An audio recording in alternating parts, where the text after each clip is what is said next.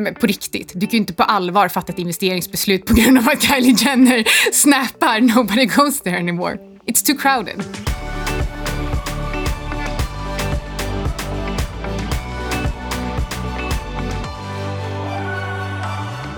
Hej Micke. Tjena Anna, det här är Micke Syding för Outsiders. Och det här är Anna Svan för samma program. Vilken nyhet! det är faktiskt exakt det vi ska prata om idag. Men först vill jag bara dra en icke-nyhet. Vet du vad jag drömde här om natten? Nej, jag... säkert om någon annan kille. Ja, det var det faktiskt. Eh, och eh, jag tror att jag är något på spåren här.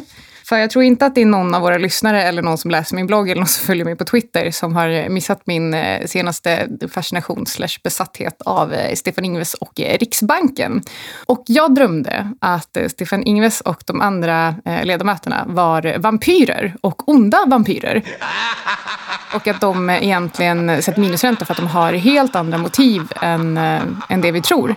Så, och jag menar, Sverige har väl världens äldsta riksbank, så det är väl inte helt... Jag menar, det är väl inte helt orimligt att tänka sig att eh, det kanske var Ingves som startade den för typ 350 år sedan. Om man var vampyr så är det kanske i Sveriges riksbank man skulle hålla till. Ja, men exakt, det är det jag tänker. Så... Särskilt sen eh, Montepaschi, världens äldsta bank i Italien, gick omkull. Ja, nej men exakt. Men efter den här drömmen då så eh, kände jag att jag behöver en, eventuellt skaffa en ny hobby.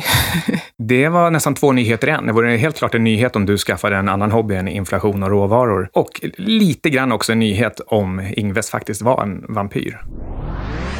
This is CNN breaking news. Ja, jag undrar hur det hade påverkat marknaden. Och det är alltså det vi ska prata om idag. Vad är nyhet? Vilka är viktiga? Vilka är användbara? Vad man ska tänka kring nyheterna och eh, vad som är skillnaden mellan nyheter och ny kunskap. Vem som bestämmer vad som är nyhet. Eh, och eh, dessutom kommer vi ta upp ett par konkreta nyheter och prata om hur vi reagerar på dem. Jag tycker att det är intressant med nyheter som inte är nyheter. Jag går ofta runt och lyssnar på podcasts, jag läser böcker, jag läser artiklar som inte alltid är helt färska. Och jag låter den här kunskapen påverka hur jag gör med mina innehav, trots att det absolut inte är några nyheter. Det är, det är ingen annan som har fått de här just nu. Nej, och där tycker jag att du säger två väldigt bra saker egentligen. Att jag gör lite på samma sätt och det var när jag eh, har snöat in på olika områden och försökt söka mig ny kunskap inom respektive område som jag till slut kunde, kunde skapa Cygnus. Det du faktiskt säger också är att eh, nyheter i sig egentligen inte behöver ha så stor påverkan på din portfölj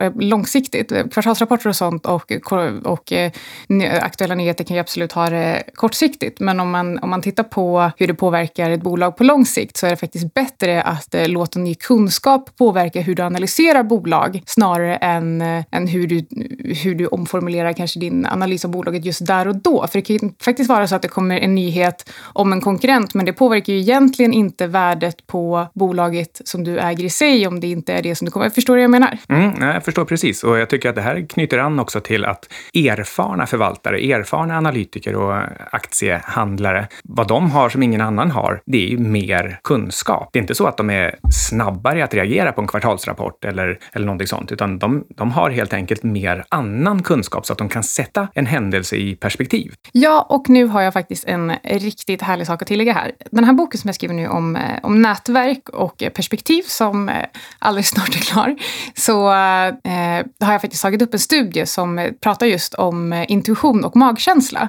Och eh, att magkänsla faktiskt fungerar, men det fungerar bara inom ett område som du har erfarenhet och kunskap om. Eh, och som exempel då kan man ta att eh, Steve Jobs trodde att, vad heter den här grejen som man åker på med två hjul som man lutar sig framåt? Segway. Segway, ja. Han trodde att det liksom skulle revolutionera hur vi tar oss fram. Men det han inte tänkte på, för han har ju ingen... Han, eh, han har ju väldigt mycket kunskap inom mjukvarubranschen och eh, liksom, te telefoner och så vidare. Men däremot så hade han ingen kunskap alls när det kommer till, till bilindustri och, eh, och fordon i sig. Så det han inte tänkte på då var ju att en segway kan ju inte ersätta en bil. För var ska du till exempel hänga påsen om du har handlat? Det kommer inte heller ersätta en cykel eller promenad för att alla har inte råd med det. Så det finns egentligen inte riktigt ett, en målgrupp eller ett användningsområde som inte redan täcks av något som är mer effektivt. Och eh, därför hade han fel, för att hans magkänsla var fel, för han hade inte tillräckligt mycket kunskap om den här branschen som den här produkten skulle verka i.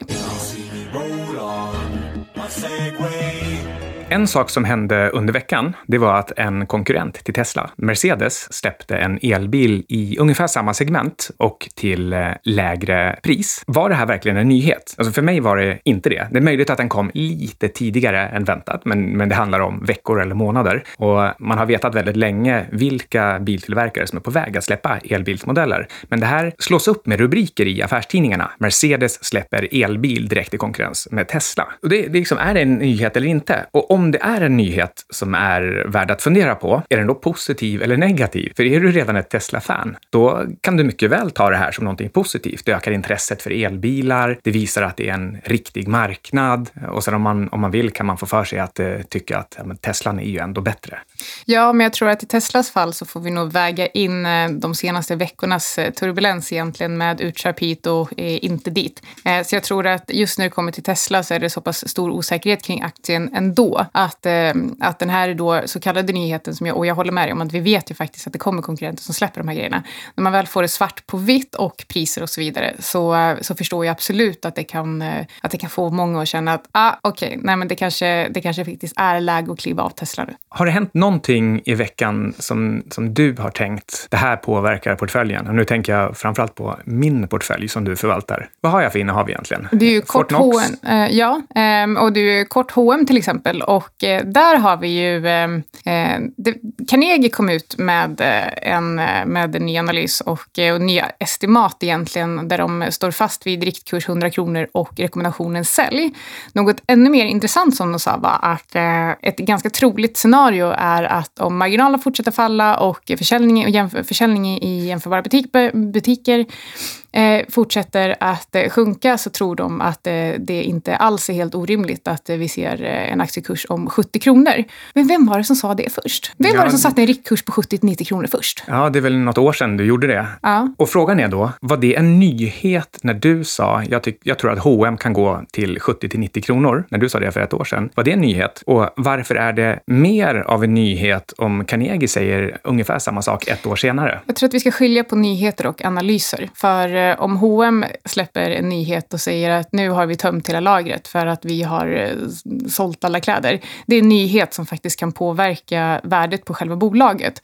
Men olika analyser på ett enskilt bolag, det påverkar inte värdet och därmed bör det inte vara en nyhet. Det är en analys. Vi får skilja på nyheter och analys. Det blir väldigt intressant semantiskt, särskilt om man använder ordet just eh, värde. Vi har, vi har värde och vi har pris. Så eh, att de släpper en analys, det är i och för sig en, en nyhet. Det har någon slags nyhet nyhetsvärde. Det är intressant och spännande. Och, du får skilja på nyhetsvärde och nyhet i sig. Och, och det kan påverka priset på bolaget, men inte värdet. Och här kanske jag bara knyta tillbaka till min, eh, mina tankar kring att eh, analysera råvaror, framförallt jordbruksråvaror som eh, faktiskt har ett ganska konstant värde men där priset fluktuerar.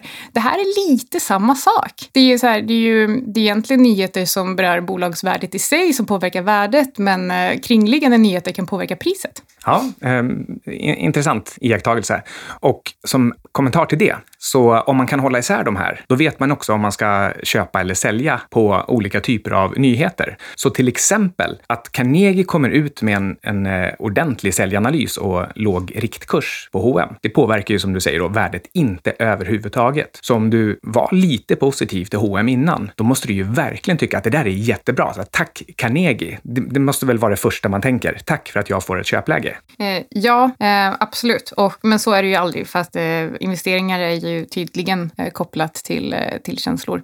Men, eh, men ja, jag förstår precis vad du menar. Och eh, det man skulle kunna göra då är ju att analyser ska egentligen inte användas för att faktiskt ta rygg på analytikerna i sig, men däremot ska du använda analyserna för att eh, titta på vad säger andra om bolagen som du äger? Var, var hittar du information som motsäger din egen analys? Och så kan du helt enkelt eh, lägga till det så att du så att du får ett större perspektiv på bolaget i sig. Intressant vinkel där också på att eh, passivt ta emot vad någon annan bestämmer är en nyhet. Eller att själv aktivt leta upp kunskap och information oavsett om den är ny eller gammal. Ja, det är absolut. lite farligt det här med att vissa tidningar eller nyhetsbyråer har fått sånt genomslag. Och börjar någon, börjar tillräckligt många följa en av dem, då, då måste ju alla andra följa för att man måste veta vad alla andra vet. Och då plötsligt blir det själva definitionen på vad som är en viktig nyhet, fast det inte är det. En annan liknelse som man skulle kunna ta där är ju till exempel en, vi har ju haft eh, historik av där eh, folk på Twitter, profil på Twitter, haft väldigt mycket följare som handlar småbolag och sen så har de skrivit om när de har köpt eller sålt eh, och så har, har det syns eh, i aktiekursen. Det här gäller ju extremt små bolag såklart. Eh, men, men det blir ju lite samma sak fast i mindre skala. Jag men, tycker vi, det känns som att vi kommer fram till en sak här. Att tyvärr så är väldigt mycket av de nyheter som uppmärksammas, de har bara med priset att göra. För det är, det är spännande och intressant och aktuellt. Men den kunskap som har att göra med, alltså faktamässig kunskap som har att göra med det slutgiltiga värdet på företaget och deras kassaflödesgenereringsförmåga. Fan, det där ordet så skulle jag ha skrivit upp när jag var med i en tävling en gång och skulle hitta på längsta ordet. Jag, jag skrev ö istället för att jag låste mig lite.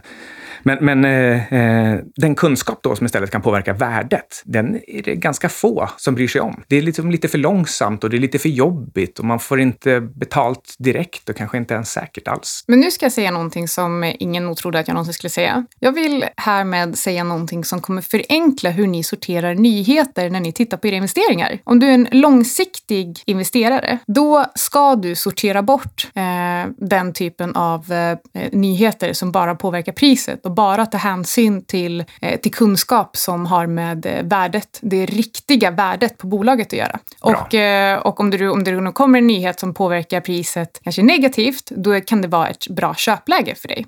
Men okej, okay, en sån här nyhet då. Kylie Jenner, jag vet inte om det var hon, men jag tror det. Hon var populär på Snapchat. Hon, jag vet inte om hon snappade det, det vore i och för sig ironiskt, men jag tror att hon gjorde det. Hon snappade ungefär typ “Nobody goes there anymore”. Alltså det är ingen, det är ingen som använder Snapchat längre. Det är någon ens som, som ser den här uppdateringen. Det är bara 18 miljoner personer som har, har öppnat den. Det sänkte priset på Snapchat, men sänkte det kanske också värdet? Nej. För att folk alltså, slu, slutar det, använda nej, Snapchat? Det, det som skulle kunna hända är att hennes följare då, oj, ja men då kanske man inte ska göra det. Ja. Men om man ser till totala, totala, totala an, användarantalet så ja, utan jag tror, och dessutom tror jag så här att det är, det är alldeles för tidigt att, eh, att säga om just den kommentaren sänkte värdet i sig. Det får vi nog faktiskt vänta på faktiska siffror från bolaget. Så jag tycker inte att man ska ta en position i, på upp eller nedsida på, kanske på uppsidan, liksom, att, du, att du väljer att köpa den lokala dippen där. Men jag tror absolut inte att eh, det är någonting som du, eh, på riktigt, du kan ju inte på allvar fatta ett investeringsbeslut på grund av att Kylie Jenner snappar “Nobody goes there anymore”. It's too crowded. Men eh, ganska många saker, till exempel en, en sån nyhet som ju faktiskt har teoretisk potential att minska användarantalet och värdet på, på Snapchat. Det är en bra startpunkt för någonting. Du Precis. kan i alla, fall börja fundera på, är det här värt någonting på uppsidan eller nedsidan? Har det skapat ett köpläge eller ett säljläge eller ingenting? Men det, och det du skulle kunna göra är att bara, okej, okay, hon säger att eh, nobody goes there anymore, men titta då på nästa kvartalsrapport. Har användarantalet ökat eller minskat och har tillväxttakten varit högre eller lägre än tidigare? Och eh, fanns det någon, eh, någon sanning i det hon sa? Det kanske bara var så att folk slutade följa henne för att hon var ointressant. Kan eh, kursrörelser i sig vara nyheter? Det är väl ingen kurs som har eh, rört sig något särskilt på sistone? Förutom Fingerprint. ja, men det är bara 100 procent upp. På tre månader. På, på en, är det inte på typ en vecka eller två? Nej, det är tre månader. Ah, okay. Eh, nej, det är... Um, eh, nej, jag... Eh, här, ja, det är klart att det skulle kunna vara en nyhet i sig, men det finns inget nyhetsvärde direkt, eh, skulle jag vilja säga. Och eh, jag tycker väl kanske att... Eh, ja och nej, vilken dålig fråga. Påverkar det värdet på nej, Fingerprint? Nej, det, gör, det är klart det inte gör. Nej. För det är ju inte, det är inte kursrörelsen i sig. Eller det är klart, det är klart att kursrörelsen i sig ökar, ökar liksom...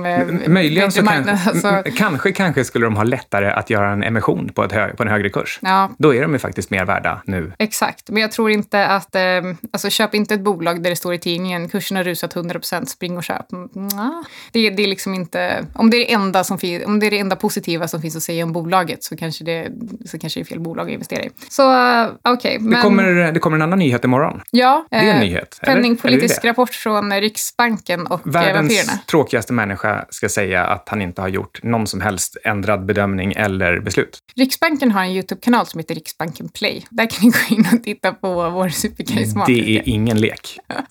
Säg, eh, mejla in och berätta om du lyckades ta dig igenom en hel video. De är väl typ fem minuter. Mm, 46 sekunder var det. Jag har bara sett en. Ja, men jag orkade du se hela? Eh, nej, alltså jag satte faktiskt bara på play för att eh, ta en bild för att kunna skicka till en vän och säga att jag kollade på Riksbanken Play. Så det är inte så att jag sitter och kollar på Ingves. Det är inte så, jag är inte kär i Ingves. Jag hänger kvar här vid prisrörelser. Oljeprisrörelser är väl nyheter som ja, påverkar världen? ja, men självklart. Och, och det här är jätteintressant. Eh, för oljeprisrörelser är ju eh, verkligen intressant. För jag menar, det påverkar ju eh, marginalerna för bolag som är beroende av eh, transport. Och, och så framförallt påverkar det ju eh, flygbolag också. Så eh, ja, eh, och det påverkar egentligen alla bolag. Så ja, absolut. Eh, ol oljan är viktig att hålla koll på. Och då kommer vi in på lite av ett tema. Jag tycker nämligen personligen att nyheter för en sak som påverkar en annan sak. Det är de mest intressanta. Det är också där som jag tror att man har störst möjlighet att, eh, att hinna med och, och tjäna pengar som andra inte tjänar. Och, eh, och det, det, kan vara liksom saker som att eh, säga att eh, telekombolag A rapporterar till exempel väldigt starkt. Då kan man eh, dra en slutsats om huruvida telekombolag B kommer tjäna eller förlora på det här. Är, de så att, är det så att marknaden växer så att den drar med sig båda, lyfter båda båtarna? Eller är det att de tar tar marknadsandel av varandra. En annan sak som är intressant här också är att sen när båda rapporterna är ute är att eh, jämföra dem med varandra. För då kan man också se om det, är, eh, om det är branschen i sig som har problem eller om det är branschen i sig som går bra eller om det är bolagsspecifika problem. Eh, ett bra exempel på det här är H&M och Inditex. Eh, Inditex eh, ökade inte försäljningen speciellt mycket men däremot så ökade marginalerna vilket gjorde att vinsten var mycket högre än väntat. Och för H&M så sjönk både försäljning och marginaler. Eh, och jag vill också tillägga att jag tror att Inditex, ehm, eh, Inditex eh, försäljning hade ökat med 2% medan H&M hade var oförändrad eller minus 2% i lokalvaluta eller vad det nu var. Så, att, eh, så att det är jätteintressant att titta på, jämföra dem mot varandra, konkurrenter. För då kan man också se, som sagt, är det bolagsspecifikt eller, eller är det tufft eller bra för branschen just nu? Hur många normala aktieintresserade tror du kommer ha lite fokus på Riksbanken imorgon? Um, det finns nog olika läger. Jag 18, tror... 19? ja, men jag vet inte. Följdfrågan är, hur många tror du ändrar någonting i sin portfölj efter beslutet? Nej, men det tror jag inte någon gör. Det tror jag faktiskt inte att man ska göra heller. Uh... Det är precis min poäng. Att ja, folk men... slösar bort massa tid med att titta på den här Riksbanken och, och sen gör så de ändå säger du att jag kastar bort mitt liv just nu? Du, du tittar väl inte... Ja, okej. Okay. ja, du, du, slänger bort den på att, eh, på att uh, vara irriterad. Jag är inte så irriterad. Jag bara tycker att det är väldigt intressant och jag hoppas att fler ska tycka att det är intressant. Men eh, så det, det, du funderar på är alltså vilka nyheter som är värda att lägga tid på. Jag tror att vi egentligen svarade på det tidigare i avsnittet, det här med vad är egentligen kunskap och vad är nyheter? Så vad kan påverka det faktiska värdet på bolaget och vad påverkar priset? Det som påverkar värdet, eller det som påverkar priset kan ge dig ett bra köp eller säljläge. Och här är faktiskt en annan bra poäng, eh, för det här är någonting som du och jag har diskuterat. Att skala in och ur, ur bolag som man har position i. För det kan ju faktiskt vara så att, eh, att bolag som man äger och vill äga på lång lång sikt, rör sig på kort sikt och då skulle man faktiskt kunna dra nytta av det också. Så att eh, titta, på, titta på nyheter som kan påverka priset på, på kort sikt och se om du kan handla efter det eller vill du inte det så gör inte det.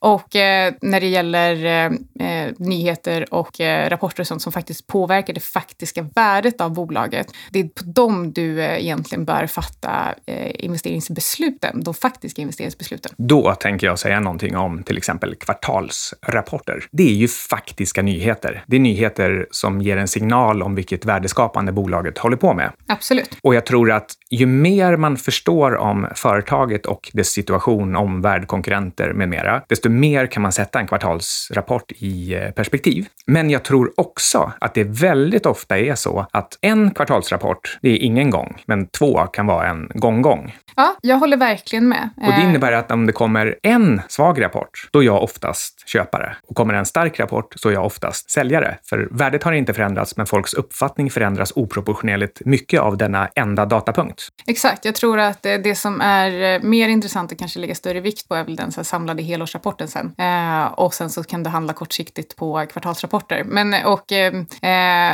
så ja, och dessutom skulle det faktiskt kunna vara så att en svag rapport idag, som när det tidigare varit starka rapporter som skulle kunna ge ett kortsiktigt köpläge, kan ju också resultera i att estimaten för nästa kvartal dras ned. Eh, och får du då en ändå starkare rapport igen, eh, då kommer ju priset röra sig ganska kraftigt kortsiktigt igen. Så att ja, en eh, enskilda kvartalsrapporter säger inte så mycket, men eh, flera på rad säger desto mer. Och det är också därför som det inte räcker med att bara titta ett kvartal eller två kvartal bakåt, utan man måste faktiskt ha lite mer koll än så. Är outsiders nyheter?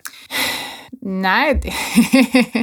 är det kunskap? Ja, ja, nej men verktyg skulle jag vilja kalla det för. Mm. Jag, eh, faktiskt. Vi levererar verktyg så att man kan, eh, så att man kan bli eh, duktig på att eh, placera sina pengar. Det är vi som eh, TV4s gamla mantra. De ska utbilda och underhålla, tror jag Christian Lok brukade säga. Men vi är inte roliga, är vi det? Jo, du är, fast ofrivilligt.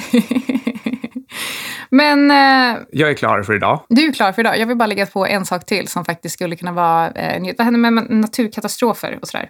Jag tänker framförallt, jag vill bara dra upp eh, exemplet eh, med eh, när en orkan skulle dra över Florida och priset på apelsinjuice stack. Det är ju en typ av eh, nyhet, men det är också, pratar vi inte bolag utan vi pratar råvaror, så det var egentligen bara det jag ville säga. Mm. Så jag är klar. Ja, eh, intressant. Ja, då har du eh, lyssnat på Outsiders med Syding och Svan. Och det här klipps och ljudredigeras av Alexander Ha en trevlig helg. Hej då!